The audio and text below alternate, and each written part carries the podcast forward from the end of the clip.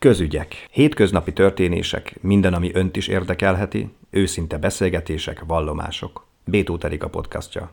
Vendégünk Jakubinyi László, aki a Miskolci Szimbiózis Alapítvány elnöke. Annak apropóján beszélgetünk, hogy önök úttörői voltak annak, hogy szociális farmok létrejöhetnek, létesülhetnek Magyarországon. 15 éves munkájuknak az eredménye ez. Mit is jelent az, hogy szociális farm? Először ezt a fogalmat tisztázzuk.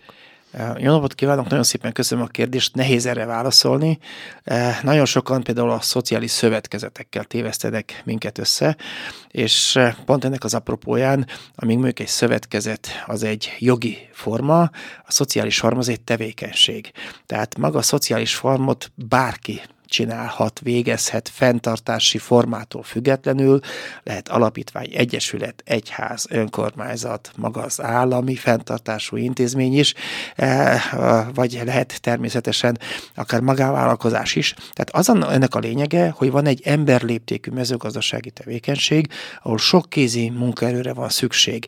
Tehát egy ilyen nagy családi gazdaságot kell elképzelni, vagy a két eh, világháború között még voltak Magyarországon élő majorságok, de az 1800-as éveknek a végén voltak azok a nagy gazdaságok, ahol volt a gazda és a sok-sok úgymond eh, eh, bedolgozó ember, akár még templom is volt a, a gazdaságnak az udvarán, vagy egy kápolna. Tehát ilyen nagy együttélő közösségek, ahol önfenntartás irányába próbálnak eh, ők valahogy sokféle tevékenységet végezni. De mitől szociális? És a szociális pedig az, hogy hátrányos helyzetű embereket vannak be. Tehát ez lehet hajléktalan, fogyatékos, szenvedélybeteg, akár idős ellátásban, idős embereket is eh, látunk ebben a történetben, jó nyugati példáknál. Tehát nagyon, nagyon izgalmas az, hogy azt látjuk, hogy eh, a vidék elnéptelenedik, ott a családi méretű gazdaságok eh, sem tudnak jól megélni. Nem csak Magyarországon van így, hanem ez egy, ez egy nagy európai probléma, és vidéken maradnak a szociális problémákkal küzdő emberek, a hátrányos emberek, ők kevésbé mobilisak, vidéken maradnak a szociális intézmények, és akkor két kérdés merül fel, hogyan legyen egy kis mezőgazdasági vállalkozás, mondjuk egy családi gazdaság fenntartható, és a szociális intézménybe ki kell találni, hogy mit csinálnak, mit tudom én, amikor felkelnek egészen délutánig, amíg mondjuk szabadidős program van. Tehát mi az az értelmes tevékenység, ahol a gondozottak, ellátottaknak valamilyen programot vagy munkaalapú tevékenységet tudunk biztosítani. És itt jön ez a találkozás.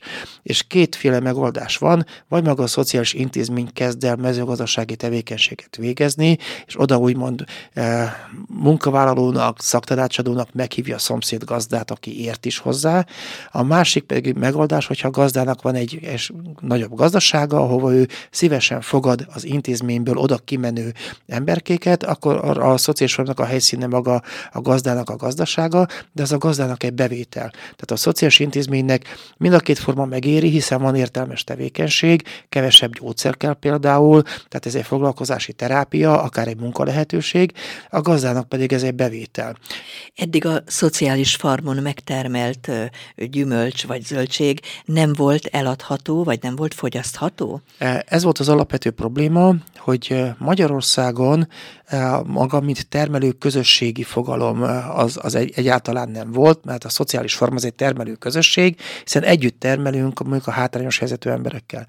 Eddig az volt a lehetőség Magyarországon, vagy magánszemély végezhetett mezőgazdasági tevékenységet, ezek azok az őstermelők, akik a piacon értékesítik a termékeiket, vagy családi gazdaság, hogyha a családtagokat is bevonták, de ez mindenképpen magánszemély adózó volt, ő volt a földnek a tulajdonosa, és ő termelte meg a terméket, dolgozta fel a termékeit, mondjuk tejből sajtot készített, vagy lekvárt a gyümölcsből, és ezt eladta. A másik véglet, jogi személy kellett hozzá, egy mezőgazdasági cég, ami külön jogszabály alapján, mondjuk az ügyvezetőnek mezőgazdasági végzettségekkel legyen, a tulajdonosi hányadakkel legyen, tehát azok a nagy ipari mezőgazdasági cégek, amik Magyarországon is vannak, az a másik véglet. És a kettő között nem volt átmenet eddig.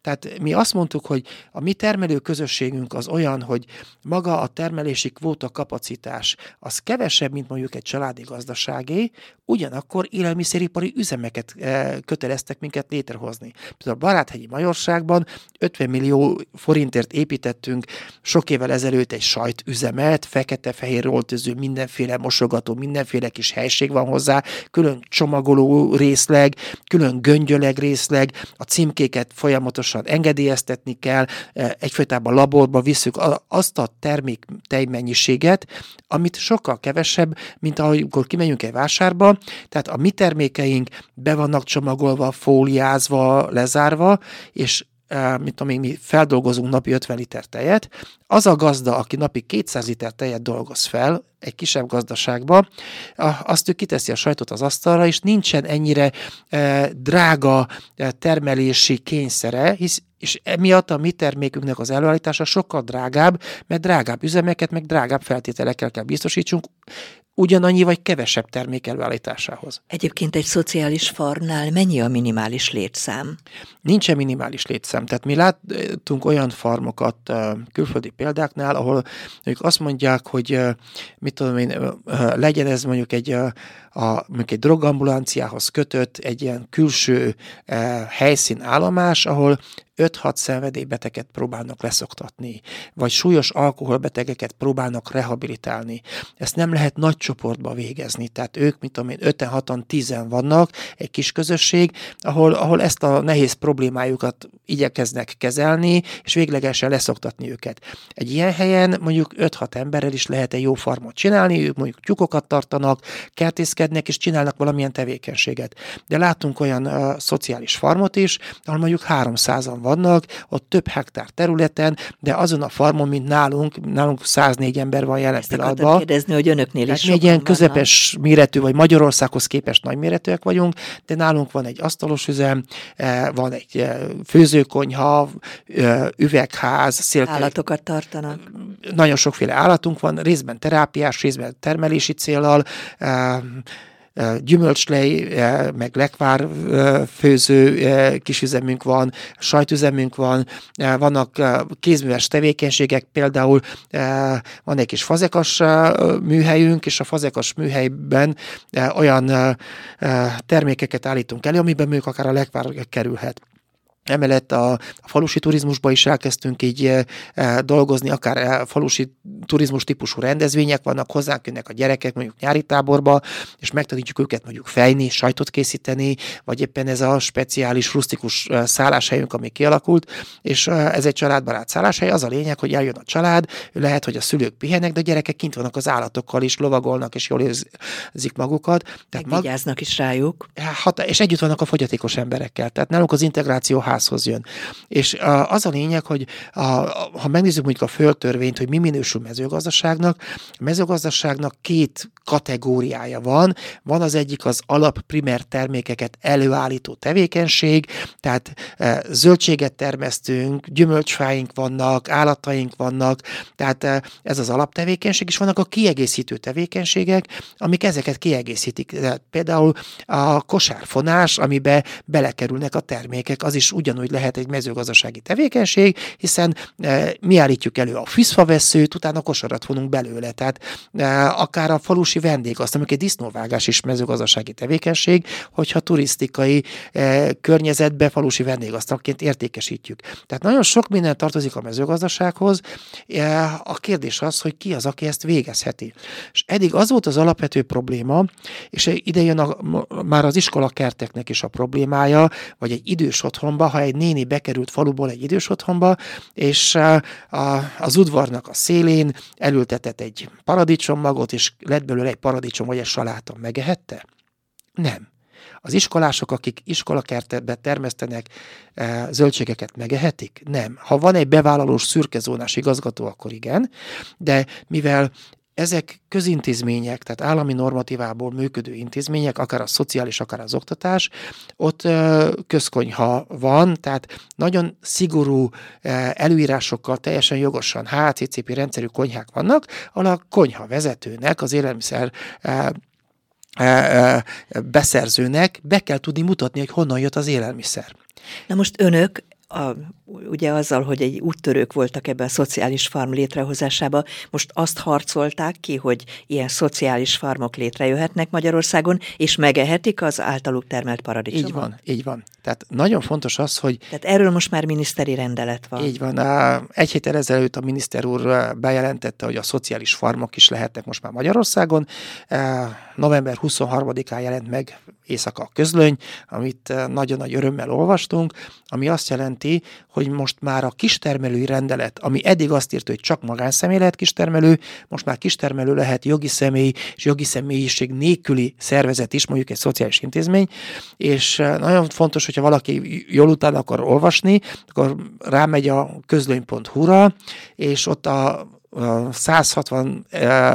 161-es vagy 2-es közlönyben jelent ez meg, van az indoklásoknak a tára.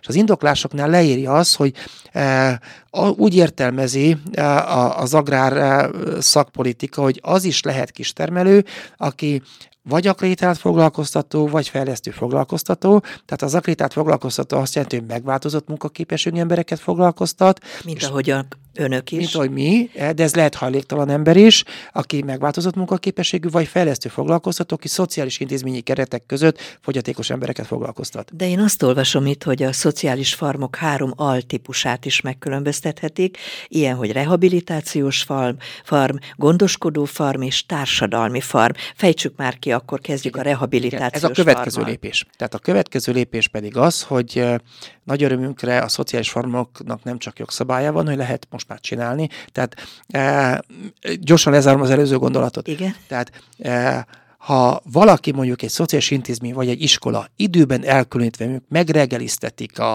a, a lakókat, ellátottakat, stb., kitakarítják a konyhát, és ugyanabban a konyhába beviszik a gyümölcsöt, és főznek belőle lekvárt vagy szörpöt, de megint kitakarítanak, és lehet ebédelni. Tehát nem kell egy új üzemet építeni. Tehát a meglévő helyen meg lehet, csinál, meg lehet ezt csinálni, tehát sokkal olcsóbb lesz, és sokkal önfenntartóbbak leszünk. Tehát ez, ami nagyon-nagyon fontos.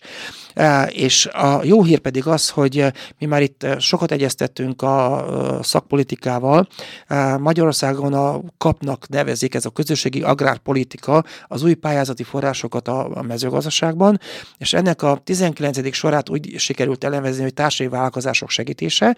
Ennek túl vagyunk már a társadalmi egyeztetésén, és a társadalmi egyeztetés pedig azt jelenti, hogy ezen a pályázaton a társadalmi vállalkozásokat a, az agrártárca szociális farmokként kezeli, és itt jön be, hogy hány típusú szociális farm Magyarországon, ez már az a definíció, amit 2015-ben hoztunk létre, egy nagy kutatás keretében, hat egyetemmel, szakértőkkel, és így jött létre a Magyar Szociális Farm Szövetség. És a három altípus, amire eddig is utaltam, az egyik az, hogy maga az intézmény kezd el mezőgazdasági tevékenységet csinálni, és ő ott rehabilitálja a, a lakóit, ehhez nagyon fontos, hogy vegyen fel alkalmazásban egy olyan gazdát, aki ért is hozzá. Tehát, ne, tehát egy szakember. Tehát legyen egy szakember. Tehát ez a rehabilitációs farm, tehát ez egy foglalkozási rehabilitációs tevékenység.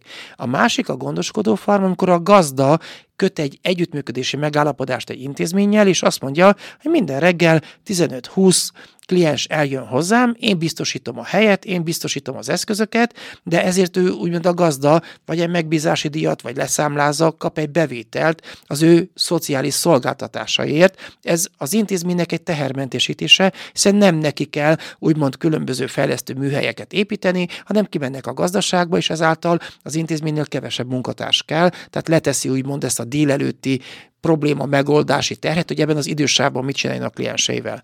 A harmadik pedig a, a társadalmi farmaz, ami a szemléletformálásról szól.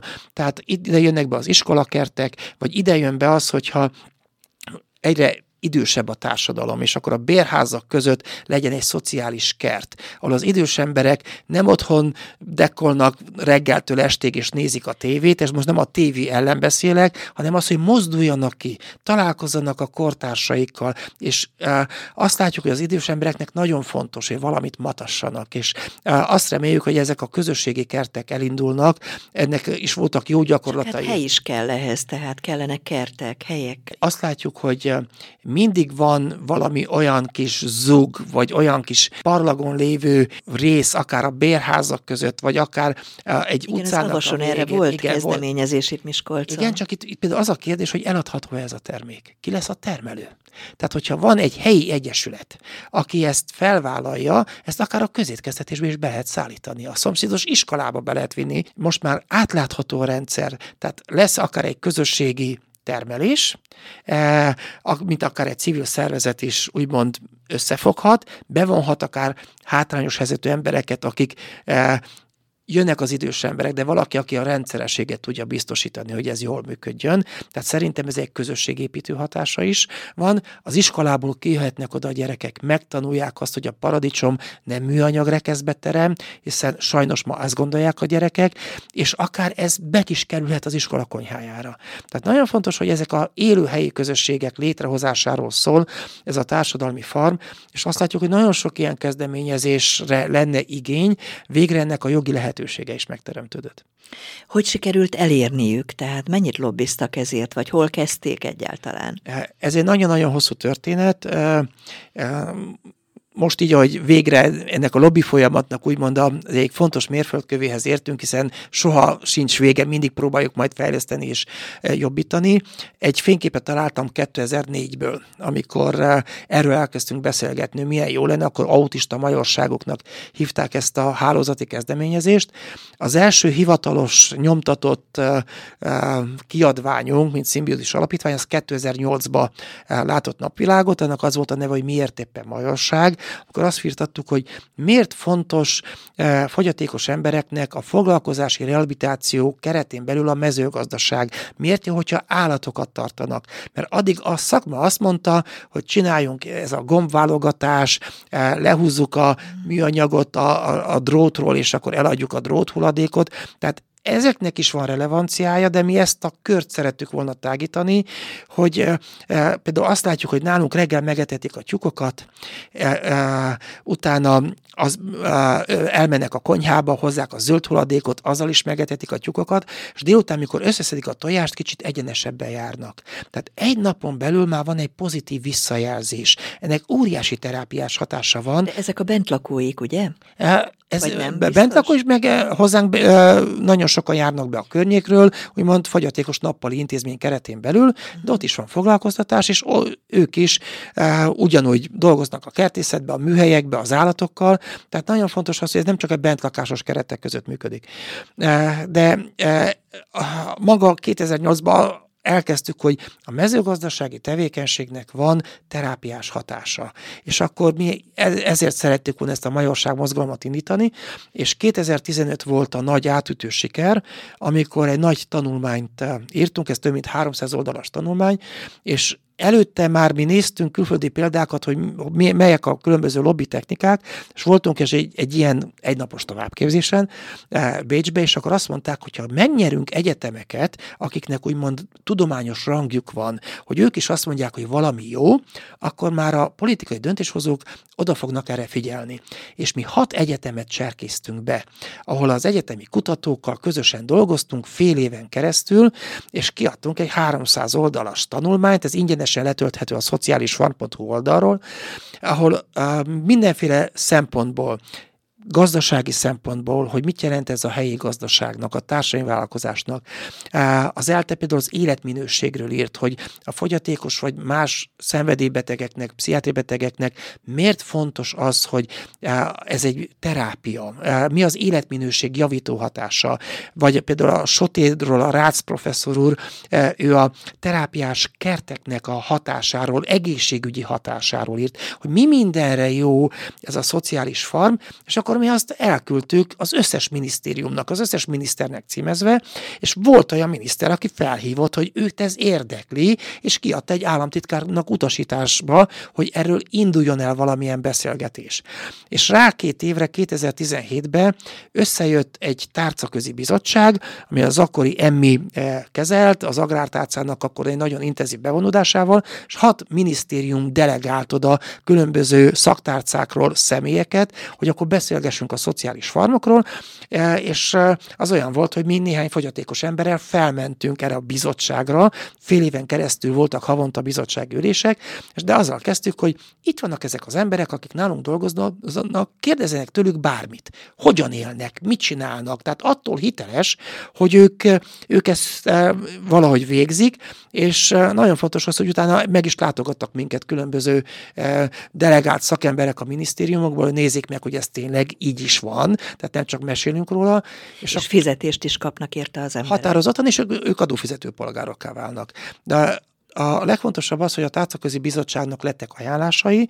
E, például ilyen volt az, hogy ilyen kérdésekre kellett válaszolni, hogyha netán erre lesz pénz. Mert az Európai Unióban vannak, mint hogy jött ez a pályázat. Hogyan lehet azt mondjuk megoldani, hogy ne a magyar huncutság jöjjön, hogy mit tudom én, néhány haléktalant valaki odaállít a kert végébe, lefotózza, és akkor lehívja a pénzt. Hogyan tudjuk mi biztosítani azt, hogy ez átlátható legyen? És akkor az volt a megállapodás, hogy hozzunk létre egy védjegyet, és mi független auditorokat alkalmazunk a Szociális Farm Szövetség, aki kérvényezi a védjegynek a megszerzését. Először egy hosszú kérdőívet ki kell töltsön, mindenféle papír, papírt be kell küldjön, és utána kimennek e, auditálni az adott szociális farmot, és utána fél évente idézőben meglepetésszerűen meglátogatják őket, olyan, mint mondjuk a biokontrollnak a, az eljárás, hogy elmennek, megnézik, hogy nem csak aznap, mikor ott van hivatalosan az ellenőr, akkor van ott a biobúza, hanem mindig, mindig abból dolgozik, dolgozzák fel, a, a, a, mint alapanyag, és mi azt szeretnénk garantálni, hogy hatékonyan vannak bevonva, aktívan be, vannak bevonva hátrányos helyzetű emberek, tényleg erről szól ez a tevékenység, és szeretnénk egy nagyon magas presztist hozzárendelni a szociális farmokhoz, ennek egy társadalmi elismertsége legyen. Úgyhogy ezt is megcsináltuk a következő évben, és ez, ezután elindult egy hosszú-hosszú párbeszéd a különböző minisztériumi arrendszerek, először a szociális oldalról, utána az agrár oldalról, de ennek aztán volt adózási kérdése, hogy akkor áfát kell fizetni, vagy ez közcélú tevékenységnek minősül. Tehát és nagyon, minősül? E, jelen pillanatban ez még közcélú célú tevékenységnek minősül egy bizonyos bevételi hányadik, tehát utána pedig át kell lépni az áfa körbe. Tehát, hogyha valaki nagyra nő, akkor ugyanúgy a gazdasági játékszabályok fognak rá is érvényesek lenni, de egyelőre ez még közcélúnak is minősülhet, addig, amíg ilyen kicsibe történik, főleg terápiás célral. Úgyhogy ezt mind-mind végig kellett futatni, utána nagyon izgalmas volt az élelmiszerbiztonsági vonal, hogy akkor ez hogyan lehet garantálni, és akkor mi teljesen elfogadtuk azt az iránymutatást, hogy akár rehabilitációs farm, akár gondoskodó farm, akár társadalmi farm, mindenképpen legyen egy olyan valaki ott, aki ért is hozzá. Tehát hiszen élelmiszer termelésről van szó, amit bizonyos emberek meg fognak enni. Tehát, tehát ezeket mi hogyan építettük apránként be, és mindig módosítottuk a, akár a szabályzatunkon, akár az eljárás rendünkön, hogy ezeket a garanciális elemeket beépítsük, és így értük el azt, hogy, hogy végre e, zöld lámpa lett. Bevallom őszintén, voltak olyan pillanatok, amikor már majdnem feladtuk. Tehát tényleg volt egy ilyen is benne, de nagyon örülök annak, hogy nagyon sok jó akaró és támogató ember volt, ami nehéz volt, hogy a különböző szakterületeknek a párbeszédét elősegíteni. Szóval mindenki a saját maga dolgát Igen. végzi, de ők ritkán beszélnek egymással, vagy nem értik egymás nyelvét. Az átlag ember, vagy most a hallgatók valószínű, hogy felkapják a fejüket, és hát arra gondolunk többek között én is, hogy tehát könyörgöm megtermeltek egy paradicsomot, hát azt miért nem lehetne bevinni a konyhára és megenni? Milyen élelmiszerbiztonsági probléma lehet ebből? Uh, nagyon egyszerű kérdés, hogy volt-e permetezve a paradicsom, vagy sem?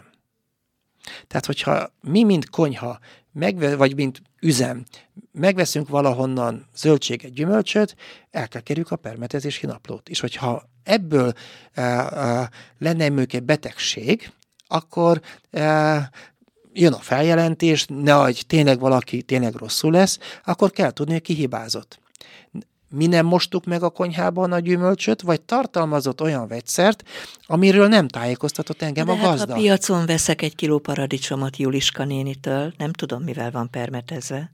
Ha Juliska nénitől veszem, tőle is meg lehet kérdezni, de ez a tőlem én, mint vásárló, és a Juliska néni közötti viszony magánemberként ez nem gond.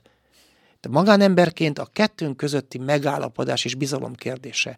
Mint magánember én vagyok felelős azért, amiért én, én vásárolok, de mint intézmény, Az intézmény felelős, hogy olyan alapanyag kerüljön be, ami biztonságos. Tehát itt az intézményi felhasználással volt a gond, hogy hiszen a hátrányos helyzetű emberek intézményi ellátásban vannak, és hogyha ott termelik meg az élelmiszert, akkor a gondozotta termelő? Az Önök igazgató a, a termelő? Ki a termelő? Tehát ezt a jogi kérdést kellett például megoldani. De mondok például egy, egy érdekes példát, ezt úgy nem mindig tesszük a kirakatba, de, de például ez volt egy átütő siker, amikor mondjuk az egyik agrár szakágazati intézmény megértette, hogy miért fontos ezt rendbe tenni. Eh, mi például tojást termelünk és adunk el a szomszédba, és hogy a, mondtuk, hogy mi azért szeretnénk tisztességes kistermelők lenni, hogy ezt tudjuk tisztességesen eladni. De azt, hogy most is csináljuk valahogy, igen, és úgy hekkeltük meg a törvényt, hogy létrehoztuk a tyúk leasingnek a módszerét, tehát gyakorlatilag a termelő az ott kell legyen a, a, termelésnél, meg az értékesítésnél. Tehát én, mint magántermelő, a piacra nem vihetem ki a szomszédnéni szilváját, csak a sajátomat. Tehát, és ezt ténylegesen ellenőrzik is, hiszen be van jelentve, hogy én, mint termelő, milyen termékeket állítok elő. Az alapítványnál ki a tojástermelő. Tehát én így lettem aranykalászos gazda, tehát én most megtermelem, tehát e, kibérelem az alapítványtól azt a tyukudvart, e, tartom a, a tyukokat, minden januárban a szomszédokkal megállapodunk, hogy megveszik egy boldogan kapirgáló tyúknak a tojását, évelején idadják a pénzt, tavaly még 9600 forintot, 200 tojásnak az árát, tehát én, mint termelő, ott voltam adásvételkor, és az én barátaim, kollégáim pedig a hetente visznek egy doboz tojást. A pénzt pedig odadom adományba az alapítványnak. Tehát ez, a jogsz, ez az előző jogszabálynak a meghekkelése volt. Miért kell ilyenekig eljutni, ami mondjuk súrolja, eh, jogilag védhető, de még mégis egy kicsit olyan szürke gazdaság. Most már végre ezt lehet tisztességesen és átlátható módon csinálni. Végszónak azt akartam kérdezni, hogy ugye önöknél száz munkavállaló van, ebből 80 megváltozott munkaképességű, tehát hátrányos helyzetű Igen. emberek. Most, hogy ez a törvény megszületett, mi változik majd az önök működését illetően? Biztos, hogy könnyebb lesz, de ami kézzelfogható változás. Szerintem a mi működésünket most már lassan olyan kapacitásunk van, hogy jelentős változás nem lesz, hanem igazából mi egy módszertani központ leszünk, és másokat segítünk. Tehát nagyon sokan megkérdezték, hogy nem félünk, hogy most sok konkurensünk lesz. Azt gondolom, ebben nincsen verseny. Tehát attól, hogy egy jobb Magyarországot építünk, jobban fognak élni a hátrányos helyzetű emberek, ez mindenkinek jó lesz. Maga az, hogyha felelősen gondolkodunk az élelmiszerről, a helyi gazdaságról, eh, ez egy ez új típusú társadalmi kultúra is kialakulhat. Mi ebben vagyunk elkötelezettek, és eh, mi mindenképpen eh, azt szeretnénk, hogy a mi működésünk mondjuk átláthatóbb legyen, és olyan tevékenységeket is esetleg bevegyünk az alapítvány működésébe, amit eddig mondjuk még nem mertünk megtenni. Pont ma reggel, hogy idejöttem beszélgetni, döntöttünk arról, hogy akkor mit tudom én, tehénistálót kezdünk építeni, és még három tehenet fogunk vásárolni, mert most már ezt is meg fogjuk tudni csinálni, hiszen biztonsággal fogjuk tudni a nagyobb tejkapacitást is kezelni. Hát legyen így, kívánunk Önöknek sok sikert. Én köszönöm szépen a beszélgetést Jakubinyi Lászlónak, a Miskolci Szimbiózis Alapítvány vezetőjének, aki megálmodta, vagy megálmodták a szociális farmot, és most már Magyarországon létrehozandó. Köszönet Önöknek. Köszönöm a beszélgetést. Köszönjük a lehetőséget.